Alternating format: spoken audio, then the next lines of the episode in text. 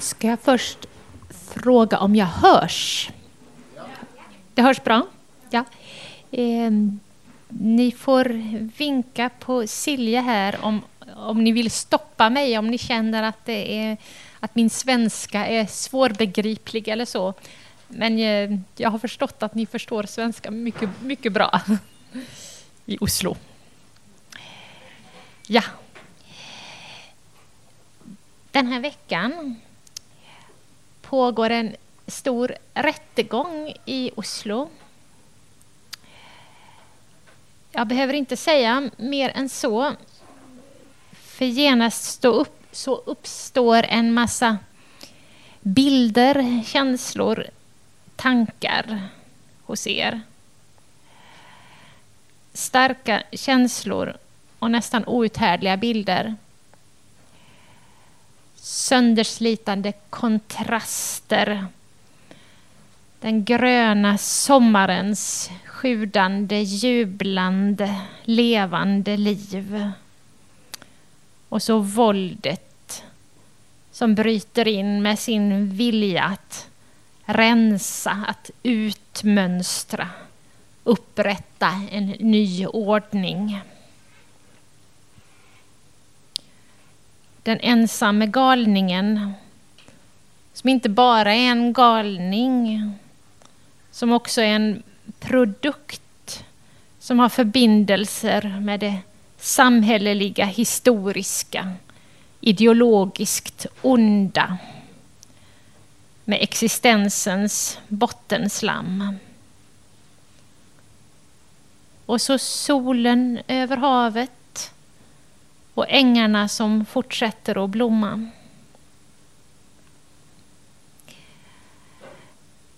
Det här vill jag säga är Birgitta Trotzigs värld.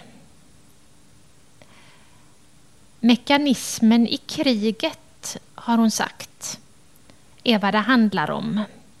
Allting jag skriver egentligen.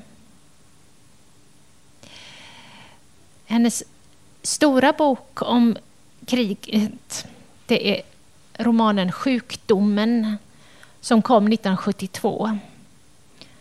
Den handlar om lantarbetaren Elje Ström i Skåne.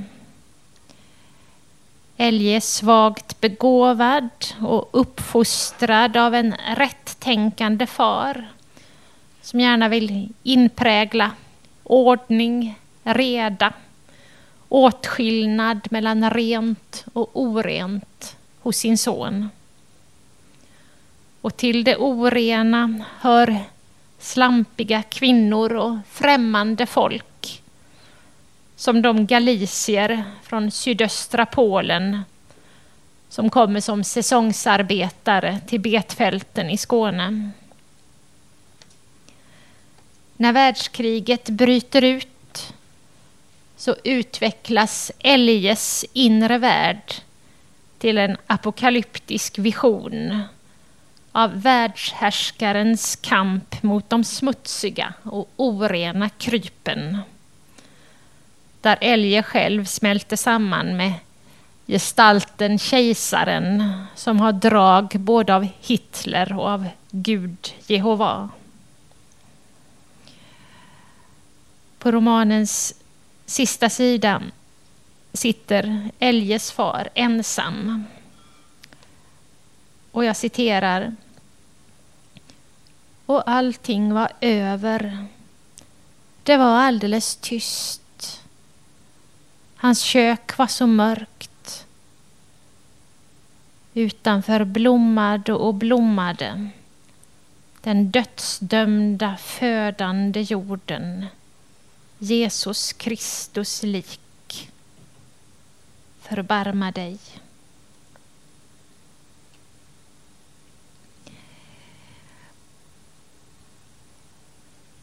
Birgitta Trotzig föddes 1929. Hon debuterade tidigt, redan 1951 ett par år senare flyttade hon till Frankrike med sin familj och återkom till Sverige först 1969. Under den här tiden så skrev hon romaner, noveller, prosa, lyrik, kulturkritik och blev ett namn i Sverige. Ett, ska jag säga, inte helt okontroversiellt namn. Jo, hennes konstnärskap, kraften i hennes gestaltningar, hennes enastående språk och uttryck. Allt sånt fick omedelbart erkännande. Men en stor, väsentlig av det, själva ansatsen, väckte starka reaktioner. Och jag citerar här igen den dödsdömda födande jorden, Jesus Kristus lik, förbarma dig. En bön, till och med en liturgiskt sliten, miljarder gånger upprepad bön. Rätt in i texten, utan avsändare. Och det är romanens sista ord. Jesus Kristus, hans namn taget i bruk utan reservationer, men också helt utan förklarande utläggningar. Och så då en kontext som är nattsvart. Ett liv som har förfelats, alla förhoppningar har gått om intet.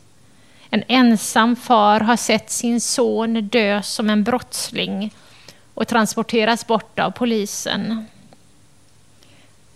nattsvart och religiöst. Det här blev stämpeln på författarskapet. Nattsvart och religiöst.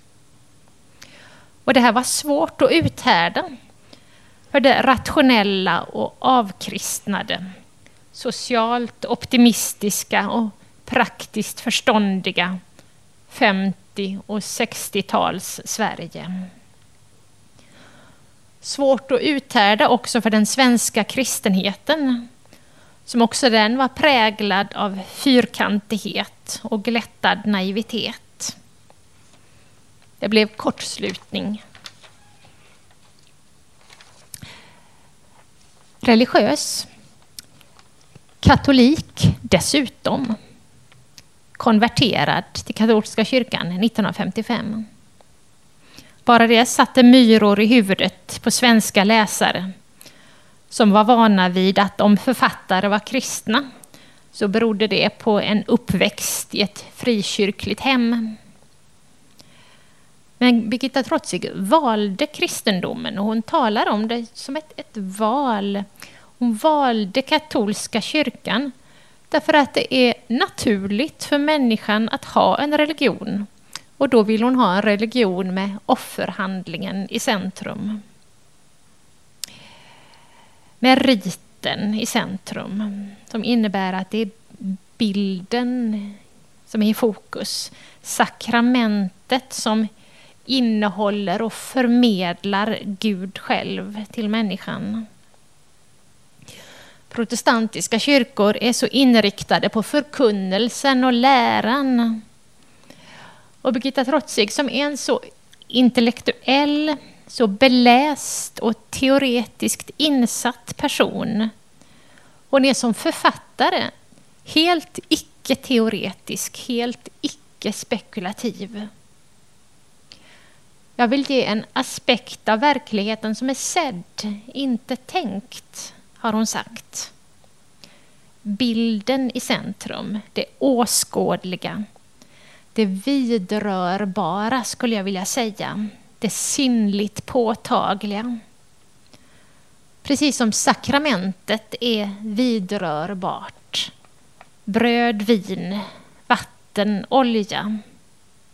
Så är allt som hon skriver förankrat i det materiellt påtagliga. Vatten, lera, dy, narig hud, sur lukt, aska, jord, eld. Och detta vidrörbart materiella, det avger en innebörd. Det har samband, förbindelser med en vision av världen som Guds värld. Och det här påstår jag, för det är inte självklart att man ser det. Precis som det inte är självklart att se att brödbiten och vinsmaken som man får på tungan, att det är Kristi kropp och blod.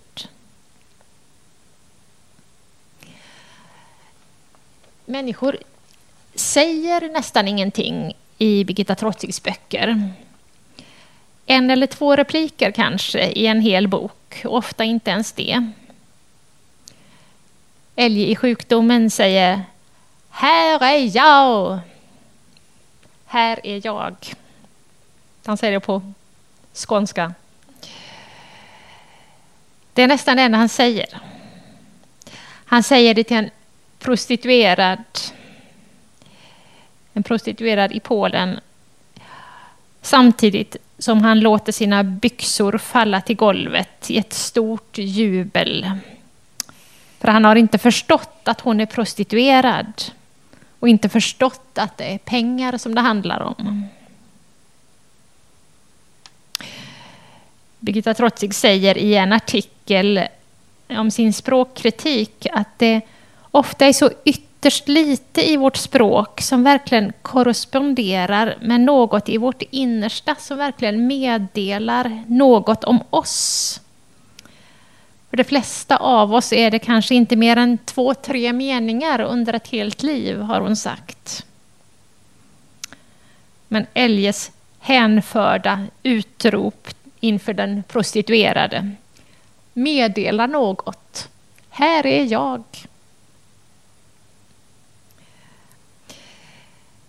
Väldigt lite repliker alltså, och ingen som helst, tror jag, dialog mellan personerna. Det är annat som talar. Dykungens dotter ligger i sin babykorg och ropar på världen och världen svarar henne. Allt omkring henne var levande och svarade. Sparven bakom rutan, begonian i fönstret. Från de runda saftiga bladen steg en stark ropande doft. I den blanka kastrullen gnistrade en stråle. I vattenglaset en regnbåge. Modern ser på, förundrad, att det var så livet egentligen var. Så enkelt. På ett sätt paradiset. Men alla som läst Dykungens dotter Dykungens dotter är översatt till norska, den enda av hennes böcker som är översatt till norska. Den som har läst Dykungens dotter vet att det här paradiset, det är inte bestående. Stumheten återtar väldet och stumheten är brutal. Älg i sjukdomen som alltså bokstavligen blottar sig för den prostituerade. Han flyr från betalningen. Han säger en, en replik till faktiskt i eh, romanen. Han säger inga pengar, säger han, för han har inga pengar med sig till Polen. Han flyr från betalningen, han grips av polis. Hans kejsarvansinne slår ut. Han tas in på mentalsjukhus, mentalsjukhus och spänns fast. Världen har alltså svarat med att upprätta ordningen. Tvånget, skamsamhället. Och dykungens dotter, hon får lära sig vad som gäller när hennes mor binder fast henne i babykorgen när hon måste gå till sitt arbete. Flickan försöker ta sig loss. Sedan slaknade hon. Blicken blev glidande. Den vände sig svart inåt. Nu låg hon där slapp. Blicken mötte ingenting. Alldeles tyst.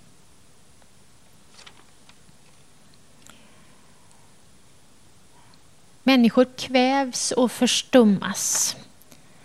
Vatten, blad och sparvar talar till oss som läsare, men knappast till bokens gestalter. Vid sällsynta tillfällen talar en berättelse berättarröst och uppmärksammar oss på något. Som här, det här är också från Dykungens dotter, Träden andades i ljusets kraft, i ljusets kraft. Nu är det så att träd är varelser och har själar. Fångna men ropande. De här träden som andas finns det skäl att hålla uppmärksamheten på. I eh, romanen Sveket så har en dotter tagit sitt liv och fadern dricker dag och natt. Men en natt är det som om något väcker honom. Han går upp och ner mot bäcken. Vattnet gled stilla under stenarna. Det glänste mörkt i det svaga stjärnljuset. Träden, Guds mörka kreatur, andades i nattdiset. Världen vilade i befriarens hand.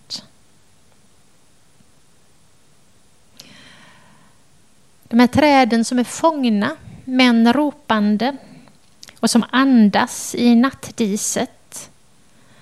Det finns skäl att förknippa dem med Paulus ord i Romarbrevet 8 om skapelsen som dragits in under förgängligheten genom människans syndafall, En som väntar på sin befrielse. Ett litet ögonblick, kort som några andetag, så är hoppet realiserat. Världen vilade i befriarens hand. Men det är symptomatiskt att det bara är en glimt. Och nästa mening i berättelsen börjar. Därpå vidtog åter det obegripliga, värre än förut.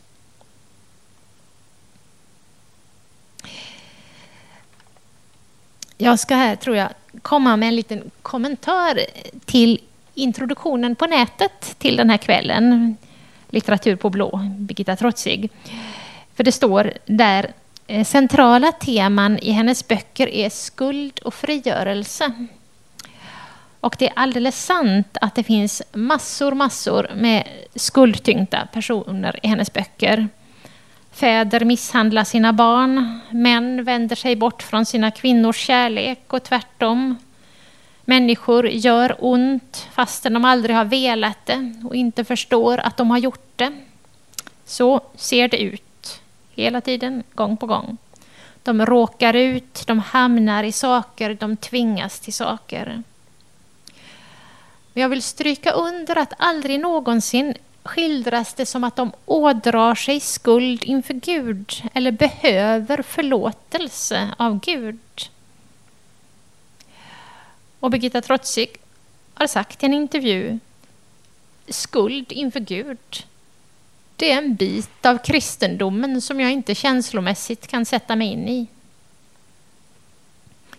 Så det är inte från denna domän i existensen som drivkraften kommer i hennes författarskap. Men varifrån kommer då den exceptionella kraften? Vad är det hon gestaltar gång på gång? När jag var doktorand så var det inte vetenskapligt anständigt att fråga efter en författares livserfarenhet eller uttalanden om sig själv och sina verk. Och som ni märkt så har jag vågat frigöra mig lite från den hämningen i det här föredraget. Men jag vet inte mer om Birgitta Trotzig än jag läst i artiklar och intervjuer. Och jag har aldrig talat med henne, varken om henne själv eller hennes böcker. Många gånger har jag fått den förfärliga frågan. Hade hon en olycklig barndom? Det måste hon ju ha haft. Och jag brukar svara med något som hon själv berättar i en av sina tankeböcker. Det är den här förresten, här berättar hon den. Berättar hon om det. Birgitta Trotzig, Jaget och världen. Där, där berättar hon att hon eh, som åttaåring satt i en bohuslänsk gräsbacke och hörde en student just hemkommen från Tyskland berätta om hur judarna behandlades där. Och det var vardagliga saker som skilda parkbänkar och sånt. Men hon skriver att det var fullkomligt omstörtande. Från det ögonblicket hade jag en livsåskådning. Och jag tror utan vidare på det, att grundhållningen, inriktningen på livet kan komma på det sättet för ett mottagligt och etiskt sensibelt barn. Men det räcker ju inte riktigt för att förklara den våldsamma tyngden, den ihållande, fixerade upptagenheten av levandets mörker som hennes böcker är. Och nu går jag åter till hennes egna uttalanden och här är hon inte konkret, hon förklarar ingenting. Hon konstaterar bara att hon djupt inne i sig har en stark upplevelse av ett förfärligt brott, en stor katastrof. Jag har en känsla av att tillvaron aldrig går ihop med människan och att något en gång för alla är förstört. Slut citat. Personligen kan jag inte alls förstå varför en sån livsupplevelse ska vara så provocerande som den många gånger har varit för svenska läsare. Eller för att citera rubriken till en intervju med henne. Varför kallas mina böcker svarta? Verkligheten är ju mycket värre. Nu ligger Birgitta Trotzig på Norra kyrkogården i Lund. Jag har varit där med påskliljor. Lund är en akademisk stad och gravarna är väldiga granitmonument över professorer och biskopar. Men Birgitta Trotzig finns inte i de kvarteren. Där hon ligger är det plastblommor på gravarna. Kitschiga änglar i barnstorlek och porträtt i förgyllda ramar av människor med svåruttalade namn. Människor som, tror jag, ofta var stumma på det underliga svenska språket i det kalla främmande landet. Men det är alldeles riktigt att det är just där hon ligger. Och det känns alldeles rätt för mig att gå där och vattna och uttrycka det outtryckliga jag känner med några, med några frusna påskliljor. En bild, en rit om man så vill, inför mysteriet.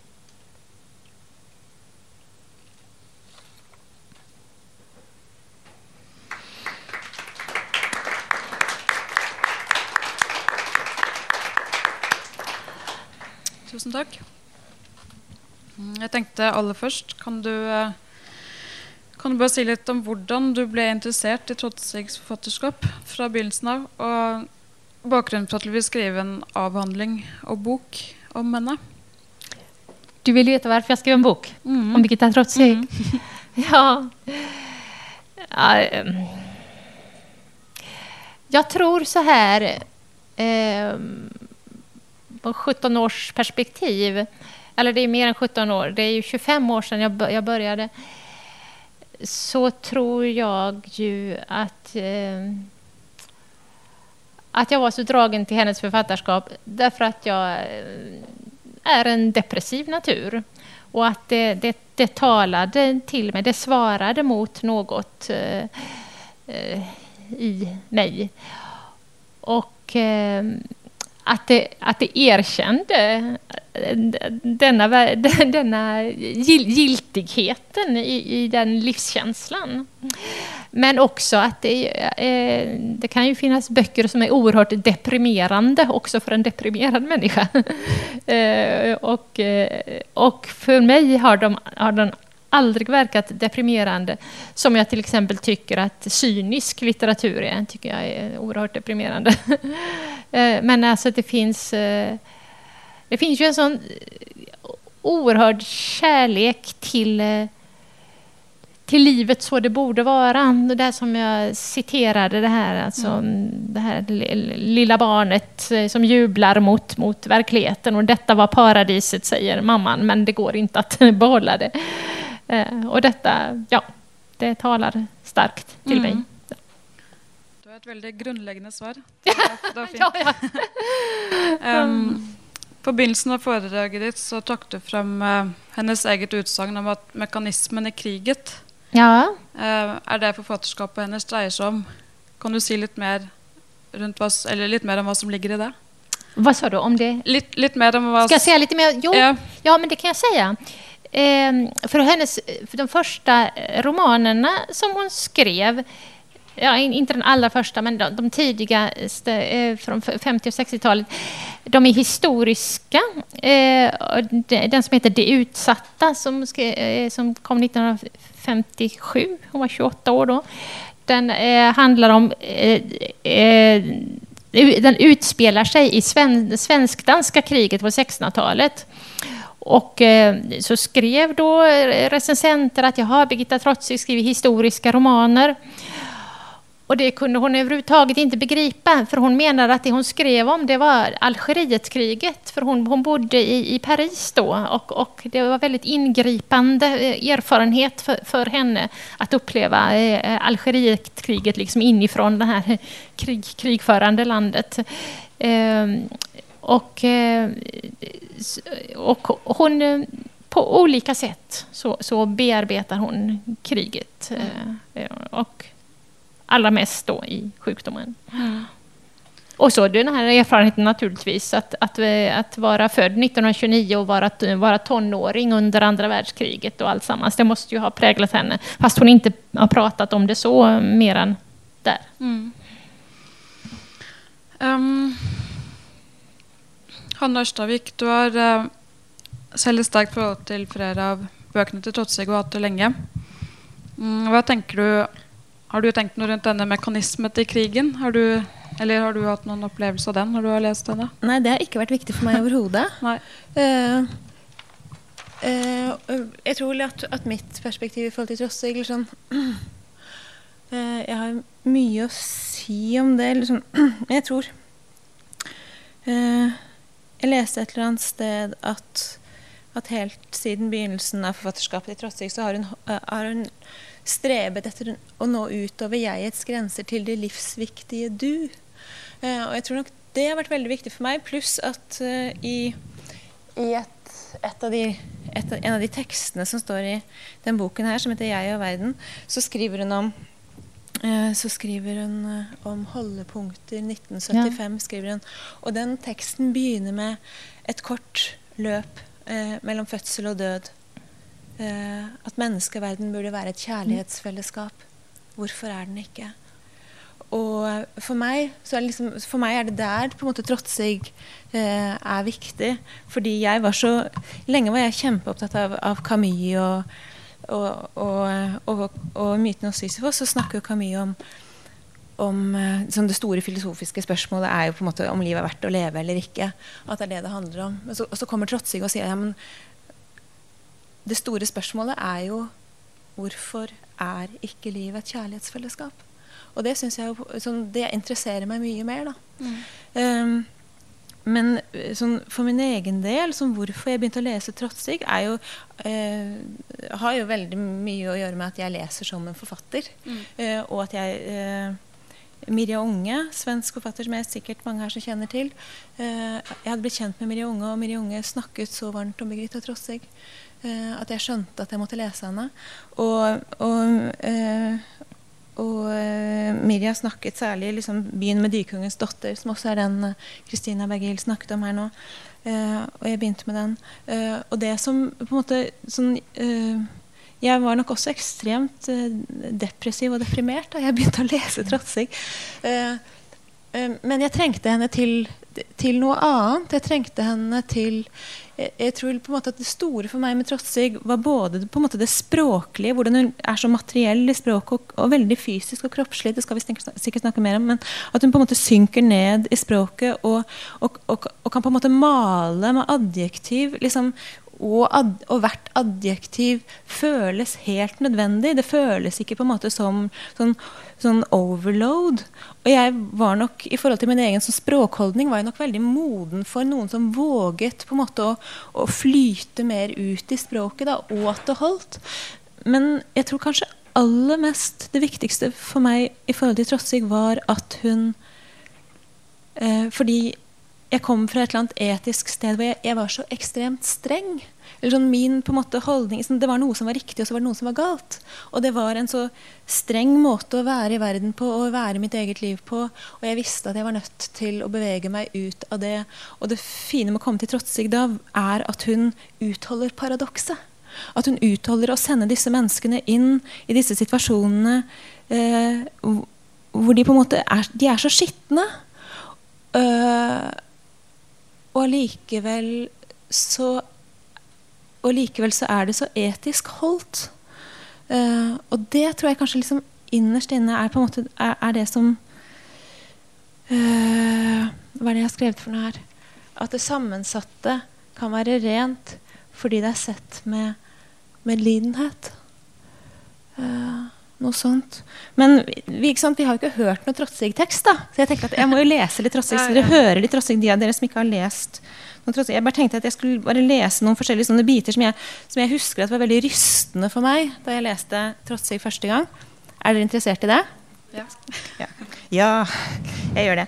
Uh, denne uh, Dykungens datter begynner Uh, og det interessante også med Trossig er akkurat som du skrev liksom, fra slutten av denne boken, hvor hun sier liksom, jorden, Den dødende, fødende jorden, Jesus Kristus lik, forbarma deg. At hun liksom setter den døende, dödsdömda, fødende jorden som liksom fødende kvinne, och så är det liksom, som är Jesus Kristus. Och så liksom, hur hun på något måte bare klasjer disse tingene med en självklarhet eh, eh, samman. Eh, Men, men, också hur eh, i Trotsiks böcker så är alltid livet varer från födsel till död. Liksom, det är alltid ett helt livslöp eh, som skildras.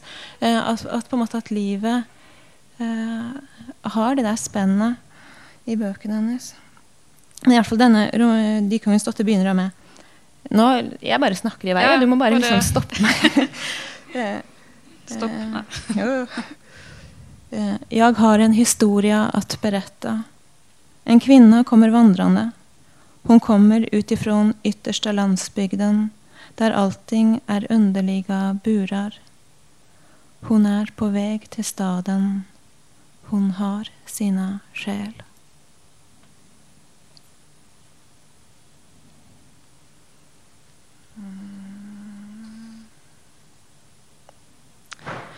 Och så går hon där då. Och så fortsätter från första sidan. Havet strålade och glittrade runt nästan hela horisonten. Himmel och hav flöt ihop till ett enda ljus. Genom det strömmande, bländande, havssusande ljuset gick hon. Men ljuset, havet, dofterna nådde henne inte. Hon bar med sig ett minne, det ville hon glömma. Men om man mycket starkt vill glömma kan man bli så bunden i det, att, i det man försöker glömma att man inte rår med att säga något annat heller. Det var inte akkurat det jag skulle läsa, det var något annat. Uh. Ja, nej, nu blev det borta. Mm, mm. Men, uh, ska vi se. Och så skulle jag läsa bare litt videre. Hun vandrer fortsatt mot byen. Eh, det var det gamla landet där allting var underliga burar, en underlig ordning. Det hade börjat långt bort, långt in. Hela ungdomen igenom hade denna kvinna tyckt om sig själv. Att hon kunde lika gärna varit död. Att hon var död. Hon var ensam i allt. i tankar, i känslor. Hon var vacker fast en gröv grov. Hon hade många tillbedare på avstånd, men ingen vågade sig fram. Det var något alltför starkt med henne. Hon förblev ensam. Ensamheten sönderdelar själen. Och det hände henne detta. Det blev Det blev sent en höst eller tidigt en vinter, vilket man vill. En fuktig, blåsig dag led mot sitt slut. Det skymde redan. Då mötte hon i dungen på väg upp från sjön en man. Det var en som på sista tiden visat sig i trakten. Hon visste vad han var, var av för sort. Han var mörklagd på tattarvis. Ögonen hade ett särskilt lysande uttrycket. En olycklig människa på det sättet att könet i honom tog all plats och jagade alla andra känslor ut i vrårna. Det drev honom hit och styrde honom dit. Allt annat blev of oförnimbart och dött för honom. Han hade varit sjöman och en del annat också. Hon kände honom till utseende och det dåliga ryktet men hade aldrig växlat ett ord med honom. Och aldrig hade hon heller mött honom i en skog. Ensamheten sönderdelar själen. Det var nu skymning, en rökig, disig senhöstskymning, våta skuggor i alla fördjupningar, ett blått ljus över de våtlysande tiltorna, över de bruna löven på marken, in i de blöta, trassliga snåren. Ja, skymning, underliga ljus och skuggor dansade. Ingenting kunde man veta, ingenting, ingenting. Men i ingenting kan hända bottenlösa ting. Man trampar igenom. Där är ingen botten. Där är en ny värld hur långt som helst. Man stiger upp från det tillbökade lövtäcket som en ny människa. Ett helt nytt liv. Allt är annorlunda. Och hon kom ut ur denna skogen erfarenhet rikare. Hon visste nu något om sig själv som hon inte vetat förut, nämligen att i vissa belysningar i skogen faller allt man vet om sig själv sönder, byter gestalt. Så underligt. Det delade sig nästan med detsamma i två liv. Det ena, det vanliga, slöt sig som en blank vattenyta, några glidande ringar, så var allt som vanligt igen. Hon hann inte ens ångra sig. Så mindes hon inget mer. Men därunder fanns det som styrde henne. Det kändes inte, men det var obevekligt. Så i skymningen dagen därpå styrde hennes steg henne mot delden i skogsdungen igen. Obevekliga. Och på samma sätt som dagen innan stod han vid den stora alen just där skärret började. Men när allt om igen var över och hon, och hon lyfte blicken mot mannen som rest sig ur, ur det dyga vintergräset och blundande lutade sig mot Klibbdalens svarta stam. Då såg hon ju att det var en som hon aldrig vid sina sinnen skulle vilja haft något att göra med. Ansiktet var dy kläderna svarta avskavningar. Men vad menas med att vara vid sina sinnen? Det blev några möten till.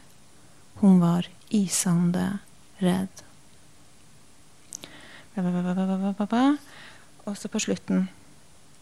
Men allt tydligare blev det att rädslan som hade försökt varna henne hade haft rätt. En sak satt kvar. Den gick inte att drömma bort. Där, där den satt sig fast, där satt den.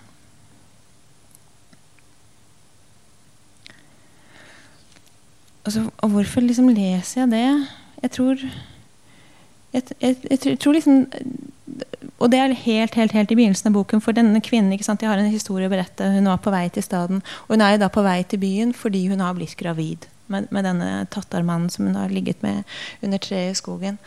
Eh, och så är det eh, och så är det en lång fortelling, också det som Kristina fortalte om detta barnet i kurven som dör. Ikke sant? Hun dør en levande död, för hon blir bundet fast. Fordi moren må på jobb på fabriken och har ingen till passe barnet. Ikke sant? At, eh, og noe, sånn, å, jeg kunne snakke i timevis om Birgitta Trossig. men noe av det som är så fascinerande med henne, är också att, att, att livet är så konkret. Eller sånn, eh, I alla disse fortellingene som eh, eh det er på en måte ikke noe metafysisk som skjer med dette barnet. Det, er, det blir bundet fast, og som var, som var, på en måte livsbetingelsene. Og hvem sin skyld er det? Det er ingen skyld, som var det bare. Det måtte gjøres. Men konsekvensene er jo så skjebnesvangre. Langt, langt, langt inn i menneskesjelen. Och og, og, det at hun på en eller annen måte orker og klarer å være helt der inne, og samtidig på en måte med seg eh, fabrikkbetingelsene, liksom det historiske, som du sier, krigets maskineri. liksom eh, på en måte liksom fra det storsamfunnet og helt, helt, helt inn i øynene som dør. Eh, det at hun er alle de stedene samtidig, og viser hvordan de tingene ikke er forskjellige steder, men er nærværende i oss hele, hele, hele tiden. Det, det er utrolig viktig. Men ja. Um, Nå skal noen andre få slippe til. Ja, du nevnte i stad Det henger egentlig litt sammen med det du sier nå. Um, det kroppslige ved språket. Um, hvordan, hva slags inntrykk det, har, det gjort, har, det gjort, på deg i språket?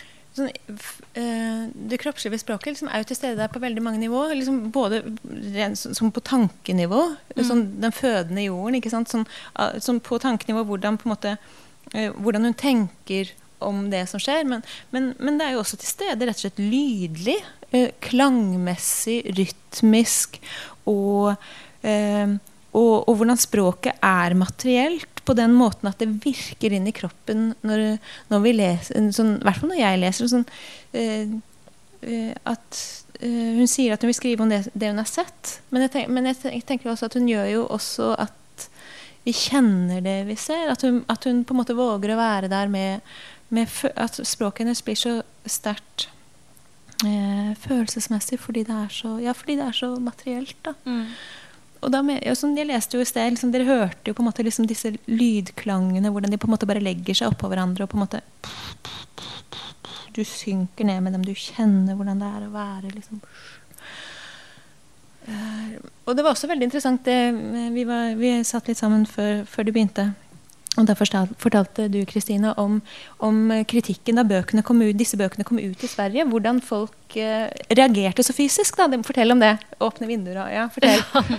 jo, nei, eh, det fins i, i eh, eh, uh, gamle recensioner av Birgitta Trotsky altså, sånne veldig sterke uttrykk for, for, for mm, artikel och motståndarna, Alltså resistenterna skriver att de måste liksom öppna fönstret och kräkas liksom för att bli av med ja, de här starka intrycken som de får. Ehm, eh, och ehm, ja, det, det ända från, eh, från 50-talet och eh, ja, säkert fem, 15 år framåt så, så var det väldigt Eh, många som opponerade mot eh, just det, den känslopress som de eh, inte orkade med ifrån böckerna. Ehm, det, det försvann sen och det kanske beror på att hon blev en hon blev akademiledamot och hon, hon blev en, en, en, äldre författarinna. Man skrev inte om henne på samma sätt, men, men i, i början var det så. Och vi talade om att, eh, att vi tror att det här kan eh, ha att göra med att det är, det är en kött, kötsligt språk. Det, det, det är oerhört eh, in på kroppen med just, just lukter och känslointryck och, som gör att, att man kan värja sig om man inte orkar med det. Derfor tenker vi, Kan jeg bryte inn her? Mm. Uh, I den Jeg og verden-boka, som er, har vært kjempeviktig for meg, så er det sånn uh, Veldig tidlig så har hun en sånn bitte liten, uh, bitte liten, tekst hvor hun skriver om nettopp når du sier det kjøttslige språket, for hun bruker akkurat det uttrykket. Språksvårigheter, sier hun. Det er, for, det, er til det er, forholdene til virkeligheten det rør seg om. Uh, så snakker hun om på en måte Ja. ja jeg tar meg tid. Bare lese mm. bitte litt ned der. det er forholdet til virkeligheten det rör sig om. Inför vad som verkligen i livet händer mig drabbas jag av tystnad. Tystnad, stoppskilt, zongräns. Det är mig nästan fysiskt omöjligt att ens notera faktum, datum, har periodvis varit det åtminstone. Den verkliga händelsen slår ner i mig alltför tung, komplicerad, överväldigande, ogripbar och förvandlar allt tal, all direkt återgivning till ett overkligt lövprassel. Ändå vet jag hela tiden långt inne i mig med en styrka som jag tror är själva livsförmågan och överlevande lusten att på ett eller annat sätt måste jag med orden, med just det material som detta stendöda marionetttal lagrar i mig, komma i kontakt med den verkliga händelsen, nå den, komma in i den, få värme av den. Talet är komprometterat. Orden har, orden har del av talets maskinsida, köld och maskeringssida. Och så säger hon samtidigt Orden har en livssida inåt. Ett, ett köld och marionettansikte utåt. De måste kläs av. De måste ner i ett bad. Deras relationer till varandra måste förändras, förvandlas. Men det är ju heller inte fråga om att befala att sända. De vill in dit, in i den på ett sätt så förbjudna zonen. De vill in dit som möllen till lyset. Man väljer inte. Man ger sig in i en skog. Skogen kommer med överraskningar. Man väljer inte språk. Man väljer inte mellan tal eller tystnad. Man hänger med. Det blir som det blir. Det ger sig. Det ges. Ja. Men det är liksom och så fortsätter den texten och så har den lite mer sånn refleksjoner rundt hva språk er. Og jeg tenkte også veldig, sånn, For meg var det det der du sa i sted, Kristina, i foredraget ditt, dette med at det bare er noen få ting i løpet av et helt liv mm. som, som, vir, som, vi får sagt eller uttalt, som virkelig er i kontakt med det som er viktig for oss. da. Um, ja. Jeg har et spørsmål som har noe med det egentlig. Um, det var et intervju, med, eller et intervju for Bergen bibliotek uh, for det er kanskje ti år siden. Um, så sa du at det viktigste for deg i en annen tekst når du leser den, er at uh, den viser hvordan At den viser det å være. Um, hva fant du hos Trotsig der, egentlig? Det å være. Det å være Ja, jeg tror liksom at jeg på en måte bare må gjenta meg selv. Sånn, ja. Veldig det der med, med, med Eh, eller veldig mange ting, egentlig. Paradokset. At hun, at hun utholder sammensattheten. At ikke det er enten-eller. At, at, det kan være begge deler. At begge deler er sant og sammensatt samtidig. Og at hun, at hun utholder det. det, det og når, det tror jeg nok. Eh, men også den, hold, også på måte, eh, også den holdningen hun har Eh, som jeg på en måte sånn, har kunnet vende tilbake til og hente nye ting ut av gang på gang. Dette at hun øh, Dette at hun har et sånt gjennom reflektert forhold til det å ha et gudsforhold. Da. Eller sånn mm. det å være mottagende. Uh, det, det, å være uh, for dette når du sier, når du sier at, at, For det tenkte jeg litt på. At, at, for meg var ikke det noe Da følte jeg meg litt sånn uh, eh, dette, dette, måtte jeg liksom få veldig på det klare da du leste innledningen din i sted. Dette at man ikke kan kjenne skyld i forhold til Gud. Sånn, jeg, dette må du bare oppklare for meg. Betyr det at vi, ikke, at vi ikke skal kjenne skyld for Gud fordi på en måte Gud virkelig forstår? Er det det du mener? Når du sier Trotsig sier at, vi, at, at, hun ikke kan forstå det med å kjenne skyld for Gud, er det fordi Gud virkelig forstår, eller? Eh, alltså, eh, jag... Eh, nej, eh, jag... Jag tror att... Eh, alltså, hon, hon, hon kommer från en eh, sekulariserad miljö. Hon har inte det här i sig eh, med eh, den religiösa skulden och skammen. Nu tänker jag på det här apropå eh, att det är, Strind, det är Strindbergs jubileum i Sverige i år. Det är hundra år sedan Strindberg dog. Och eh, P.O. Enquist, med en stor samtida svensk författare som, som skrivit om Strindberg och skrivit mycket själv. P.O. Enquist talar om eh, att hos, både hos honom och hos Strindberg så finns det någon ursprunglig skam som är det som driver hela författarskapet. En, en, en skuldkänsla i botten som de rör sig omkring hela tiden. Eh, utan att riktigt beskriva vad det är, men det är det som ger kraften i det. Men jag tror att det har hon inte. Alltså, jag tror inte hon har en, en, en eh, liksom personlig upplevelse av att eh, stå i skuld till, eh, till Gud. Missförstod jag det här nu? Mina öron, jag hör dåligt. Svarar jag på vad du säger? Eller, eller pratar jag helt... Nej, nej, nej det var intressant. Nej, alltså hon... hon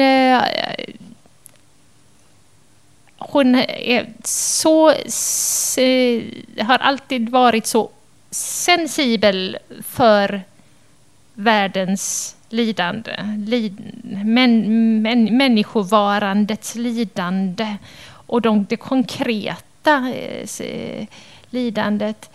Men eh, det är ju på sätt och vis en abstraktion att vi är skyldiga inför Gud, eller hur? Kan jag få, kan jag få ja, ja, gripe ja. litt inn her nå? Gjør det. Um, jeg tenkte å dreie det litt over på um, Trotsig i forhold til din egen skriving. Um, I samme intervju som jeg nevnte i stad, så uh, forteller, om, hvor, forteller om hvordan i perioder mellom skriveperioder så leter du etter andre måter å skrive på enn din egen. Uh, og at du leste 'Trotsig' mellom tiden det tar og uke 43. Uh, Hvorfor ble det akkurat trotsig mellom akkurat de to bøkene, tror du? Og Hva lette du etter, og hva fant du? Fant du? ja, jeg, jeg, tror jeg tror Det handler egentlig om det samme som jeg har sagt hele tiden. Men jeg tror eh, det, var, det, var, nok eh, og, og, det bar nok først frukter i Jeg tror nok man tydeligvis på en måte kan se spor av trotsig i presten, egentlig. At det tok tid, som, som kom ut i 2004. Uh, uke 43 kom ut i 2002. Og tiden tar kom i 2000. Så liksom, jeg begynte å lese tross mellom 2000 og 2002. Og så liksom, Det tar jo så lang tid før, mm. før uh, Så ja, egentlig kanskje ikke noe med de to bøkene å gjøre, men det kom ja, jeg, jeg, det er i hvert fall sånn jeg tenker om det nå. Mm. At jeg selv liksom kan se hvordan presten på en helt annen måte jobber med det klanglige språket og våger å hvile mm. i en annen tillit til det språklige. Og det var nok det jeg uh, var ute etter hos Trotsing. Men, men det var jo også dette på en måte dette ekstremt sammensatte, det paradoksale og det skitne Eh, at det skitne får være der, at hun har medlidenhet med mennesker som, som det er i sin sammensatthet, og at hun, og at hun holder ut. At hun At hun, uh, eh, at hun blir der, og at hun att at hun, ja, at hun, klarer på en måte å være der både og. Og så, så, som jeg leste i sted, dette med at hun klarer å lage så sanne og sammensatte portretter av disse menneskene. At hun, att hon går där och lägger sig med denna mannen under detta träd och att hon är isende rädd. Och allikevel så går hon dit dag efter dag. Liksom, det är så paradoxalt. Liksom, och samtidigt så är det ju så sant och så igenkännligt. Och varför gör vi det? Varför gör vi sådana ting? Uh, att hon är hos människorna sina på de städerna där. Och det underliga är ju att jag husker Det är länge sedan jag läst sjukdomen, men og det står at han er evneveik og sånn, men jeg kjente meg veldig igjen. Altså. I ham? I ham, mm. ja. Hvordan det gjør Nei, sånn her er jeg, og mm. den der troskyldigheten og sånn, Jeg tenker liksom, det er at hun på en eller måte klarer å, å skildre liksom alle personene på måter som gjør at uh, At de er verdt hos, da. De er mulige å være hos. Mm. Uh, at hun ikke er interessert i det moralske Eh, blikket på dem, men det, men det der medmenneskelige være hos mm. Dette er også et menneskeliv. Det er kanskje noe med det uh, du sa i ditt foredrag med uh, I disse tekstene møter du tilværelsen som sett, ingenting fornektet, ingenting harmonisert eller forskjønnet. Uh, tror du det? Nå spør jeg egentlig deg, Hanne. Ja, ja, jo, jeg tror det. Jeg tror virkelig det. Men, men det er også noe veldig språklig. Sånn, hvordan hun ikke viker unna i språket, og hvordan hun, eh, hvordan hun på en måte bare tillater seg. Og det tror jeg også liksom, i forhold til det med å være forfatter og, og, og vokse og utvikle seg som forfatter, så handler det jo også mye om selvtillit eller tillit, eller, eller hva skal, trygghet er vel kanskje et bedre ord. Mm. Eh, det er å våge å skrive sånn som jeg vil skrive. Ta det- sin plass i språket, egentlig. ja, rett og slett. Og, og, eh, og, eh, og, og, og hente inn Og hente inn eksempler på at det er mulig. Ja, men det er mulig! Liksom, Mm. Og det er bra. Mm. Eh, ja, men da, men da kan vel jeg òg. At, det handler- at det handler om det å Vil du lese litt, eller kan jeg spørre deg et spørsmål? nå? Jeg bare tenkte, Det er noe jeg understreket her, så Mm. kanskje jeg bare kan lese det opp, og så ser vi hva det er. For nå har jeg ikke rukket å lese det. Eh, det var i en drøm alt hände. Hon løstes upp, vatten, røtter levde och rörde sig. Hon var själv mörkret som öppnade sig och rörde sig. Hon kunde inte komma upp. Hon kunde inte skaka honom av sig. Han åt, han åt. Hon, hon kunde inte få honom ur huset. Det var en dröm, men hon kunde inte förstå hur hon skulle kunna fortsätta att, att leva om den tog slut. Det var ju den hon var i drömmen som hon i verkligheten var. Ja, det var jo interessant hvorfor jeg hadde streket under det. Det kan jeg tenke på siden. Um, um, nå har du nevnt uh, 'Dykongens datter' og 'Jaget og verden'. Er det noen andre Hvilke andre bøker, Totse-bøker vil du sånn umiddelbart si at har vært viktige? Ja, eh, En av de andre romanene som har betydd mye for meg, som jeg har lest flere ganger, er den som heter eh, he- eh, 'En berettelse fra kusten'. Mm. Ja, Mm. jag älskar den. Ja. Det, det er også en roman som Ja, historisk roman. Og, ja. Skal ikke Mm. gå inn på hva den handler om, men den er den. Og så eh, Ja, og så den eh, 'Jeg og verden'. eh, som, og den har kommet ut i pocketutgave sammen med eh, den første på en måte tankedagbok, notatboken hennes, som heter 'Et landskap'. Det fins i sånn kjempebillig pocket på Nordli. Eh, som absolutt er å anbefale å skaffe, skaffe seg. Um, men jo, en, annen, en annen av hennes essaysamlinger som heter 'Utkast og forslag'. Det har vært veldig viktig for meg at hun har skrevet om andre og skrevet om skrivingen. Mm. Eh, Det, det har vært veldig viktig for meg å lese hvordan hun tenker, og samtidig på en måte både kunne være i det, eh, i det hun skriver, og samtidig i hvordan hun reflekterer om litteratur. For eksempel, sånn, og så har hun skrevet, eh, så fins det en bok utgitt eh, som heter en portretthistorie, eller noe Mm. sånt, som, er liksom, som, er, som også er litterære portretter hun har skrevet om andre forfattere. Ehm, hvor hun bl.a. har en setning om Dostojevskij. Og den setningen har liksom gått med og gått med. Den setningen er Og hva er det da for en virkelighet som krever en så desperat sammensatt form for å komme til uttrykk? Og det er nok en gang eh, liksom, fordi jeg opplever at hun er så veldig forpliktet på forholdet mellom Forholdet mellom virkelighet og tekst, eller virkelighet og språk, og virkelighet og form. og og virkelighet, At hun er så forpliktet på virkelighet. og Det er jo veldig interessant i disse Knausgård-tider, hvor vi på en måte tror at, liksom, at det må være at, at virkelig, Når hun da skriver en historisk roman og sier at ja, men dette handler om Algerikrigen ikke sant? At, Og det er også like sant, og det er også like virkelig. og at, eh, at, at jeg opplever at hun er ekstremt forplikta på virkeligheten. Da. Mm. Um, Kristina, um, jeg tenkte på I foredraget ditt så, så nevnte du at eh, det ble en sånn eh, kortslutning mellom Totstegs forfatterskap på 50- og 60-tallet, eh, som gjerne ble stemplet som nattsvart og religiøst. Eh, og datidens rasjonelle og avkristnede, sosialt optimistiske og praktisk forstandige Sverige.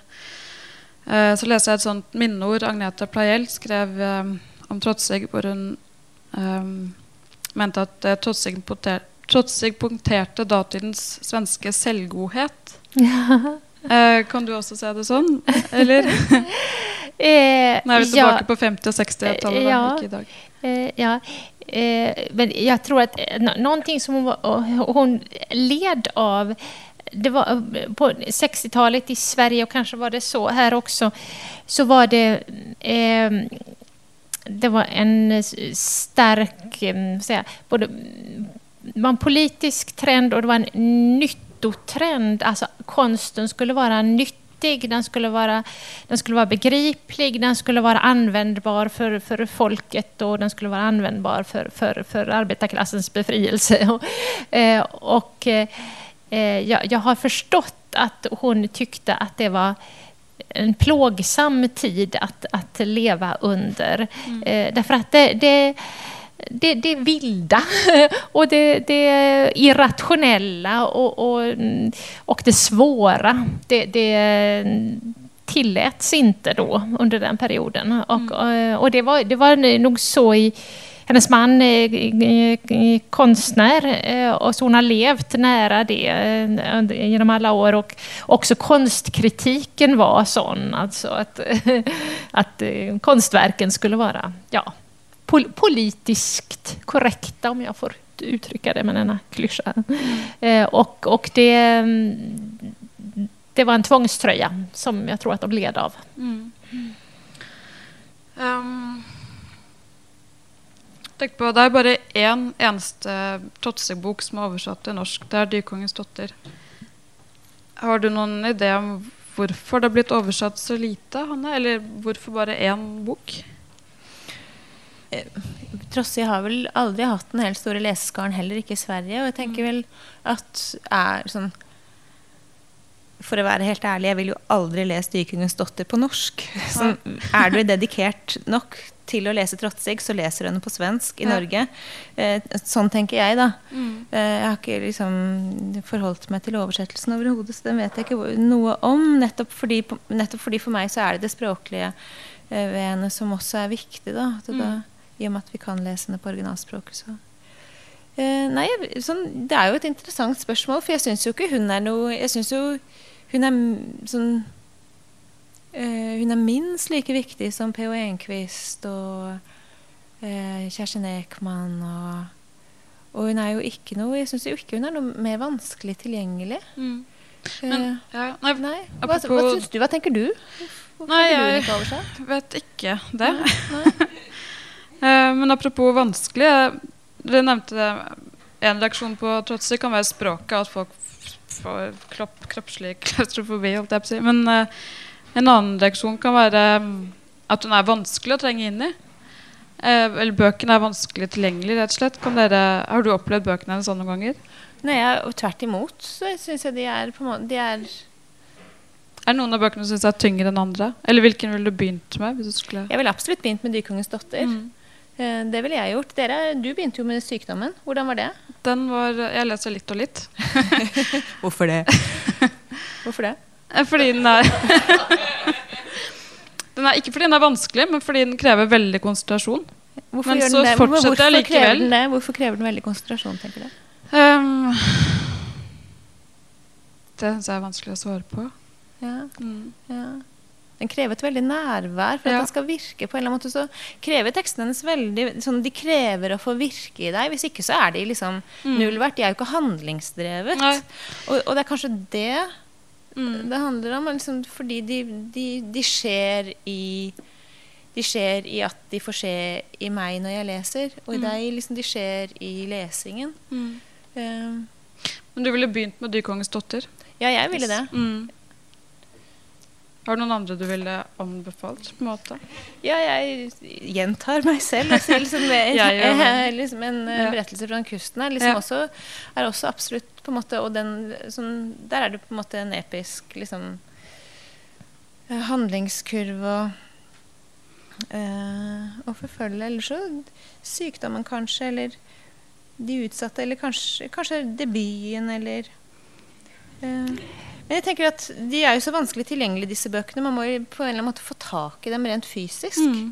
Uh, og det er jo ikke bare det er enkelt. Antikvariat, gjerne. Ja, ikke sant? På mm. nettet og sånn. Uh, uh, det er vel kanskje bare å liksom begynne der hvor man har lyst, tenker jeg. Det at, for det er vel en grunn til at man får lyst. Mm. Så forfølge det. Hadde, du var ikke som du skulle skyte inn noe. Hva sa du? Skulle du si noe? Eh, ja, jeg tenkte på på eh, Eh, en berättelsesamling som heter Levande och döda. Eh, består av tre långa berättelser. Men de är, de är ganska tillgängliga faktiskt. Eh, och I alla fall upplever jag det om man ska börja med något. Det, den första är en intensiv kärleksberättelse om en, en äldre prästman och en, en, en tonårsflicka. Och den är ovanlig på det sättet att det är hon som ser honom och bestämmer sig för honom. Eh, och det är en... Eh, eh, hon ger honom chansen att, eh, att, vara, att vara öppen och ja, naken, att inte vara garderad och stängd. Men han förmår inte det, utan han, han stänger sig. Och det blir naturligtvis en, en, tra, en tragisk historia, eh, utveckling på historien. Men man kan säga att detta är temat i alla tre berättelserna i Levande och döda. Det här att, eh, att kärleken är en, en möjlighet till, till öppenhet, men det är så svårt så man stänger sig. Så eh, Levande och döda är lite, lite bortglömd. Det är inte så många som talar om den, men, men jag rekommenderar den. Om den går att få tag på någonstans i Norge. Jo, men eh, bibliotek kan ha den. Har ni det? Nej. ja. Jag vet inte. Det är ganska många trotsiga böcker på U Ja, det tror jag. Universitetsbiblioteket, det tror jag. Ja. Mm. Um, har du några spörsmål till varandra? Mm. Inte som jag kan komma på nu. Mm. Har du några spörsmål till Hanna? Eh, jag vill ha lite spörsmål härifrån. det är någon... mm.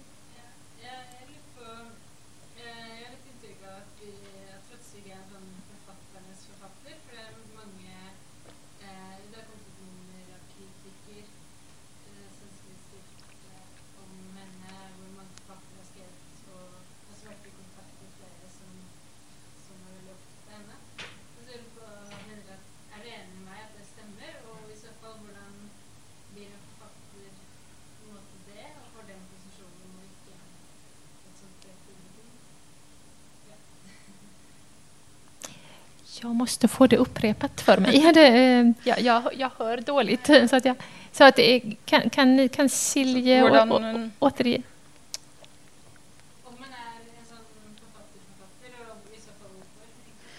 Ja, um, hun spurte om, um, om ja, Hvordan er det i Sverige? da? Har, er Trotzig såkalt författarnas författare?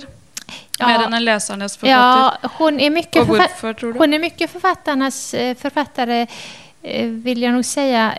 Men mm, jag tror hon har sagt att hon har en liten men hängiven eh, läsekrets. Hon, har, hon, tycker, eh, hon har tyckte, hon, hon har skrivit att hon har fantastiska läsare och från alla samhällsskikt och som kommer fram till henne och eh, berättar hur djupt berörda de har blivit av någonting. Så att eh, alltså, hon är, hon är det, det innersta livets författare. Om man, bara, om man vill ha underhållning, om man vill ha något lättläst, om man vill ha flyt, så, så, är, så ska man inte läsa Trotsig. Alltså. hon är krävande. Ville du, letar du efter något i boken? Ja, Jo, författarnas författare, jo, hon är väl det på, på sätt och vis. Det, men det tänker jag på, också handlar väldigt om det, att, hon, att hon är så språklig. Att hon är så språklig. stark, att det är så mycket att näras av. Språklig, klanglig. Men jeg har det vel også nesten litt sånn eksistensielt i forhold til tross, eh, tross at hvis jeg skal ut og reise og ikke aner hvilken bok jeg skal ta med meg, og må ha med meg én bok, nærmest som bare for, for liksom å utholde en våkenatt eller ikke føle meg så utrolig ensom, så tar jeg alltid med meg en Trotsig-bok. Og det er fordi at å, liksom, å åpne en bok av Trotsig og lese, så, liksom, så er det på en måte liksom, du, liksom, du får sånn Det er som Matrix. Liksom, du får liksom kontakt med Du får liksom inn der med en gang. Eh, Vil du lese noe sånt? Ja, det var det jeg liksom lurte på. Med liksom uh, uh, uh, og så hun, hun, tør liksom å si disse tingene, og så det med en sånn Hun tør å si de på en måte sanne, store, enkle tingene, og så sier hun det med en sånn verdighet. At, at de får lov til å, å, å være som de er. Uh, og det er fint, tenker jeg. Det er bare en, en artikkel hun her har skrevet om Eh, om en sveitsisk uh, billedkunstner som tydelig uh, eh, Alois som jeg ikke aner hvem er, men en sveitsisk billedkunstner som tydeligvis var innlagt uh, schizofren, et eller annet. Uh, og så skriver hun om uh, 'uten bild, ingen virkelighet'. Så skriver hun også och den konstutövande är inte något annat än en person med den psykiska egenheten att den bildskapande funktionen, behovet och driften att på detta sätt komma i kontakt med omgivningen bemästra den, meddela sig den, är så skärpt att den överlever in i vuxen ålder. Och på samma sätt som för barnet blir den livsvillkoren för att han eller hon alls ska överleva psykiskt. Det låter kanske dramatiskt, men konstutövarnas liv och livsföring är ju ofta katastrofalt dramatiskt, barnsligt, direkt och utlämnad. Ja. Da tror jag kanske vi ska avsluta här. Um, tusen tack till dig som kom helt från Lund. Och tack till dig som har läst för oss, blant annet. Um, neste kveld uh, om en uke er gjestene Gunstein Bakke og Katrine Knutsen i samtale med Thea Marie Dolba. Uh, da er det konsert her klokken ni bare sånn at jeg er klar over det. Hva skal det handle om neste uke? da? Hva skal de snakke om? Eh, hva skal de snakke om, Thea?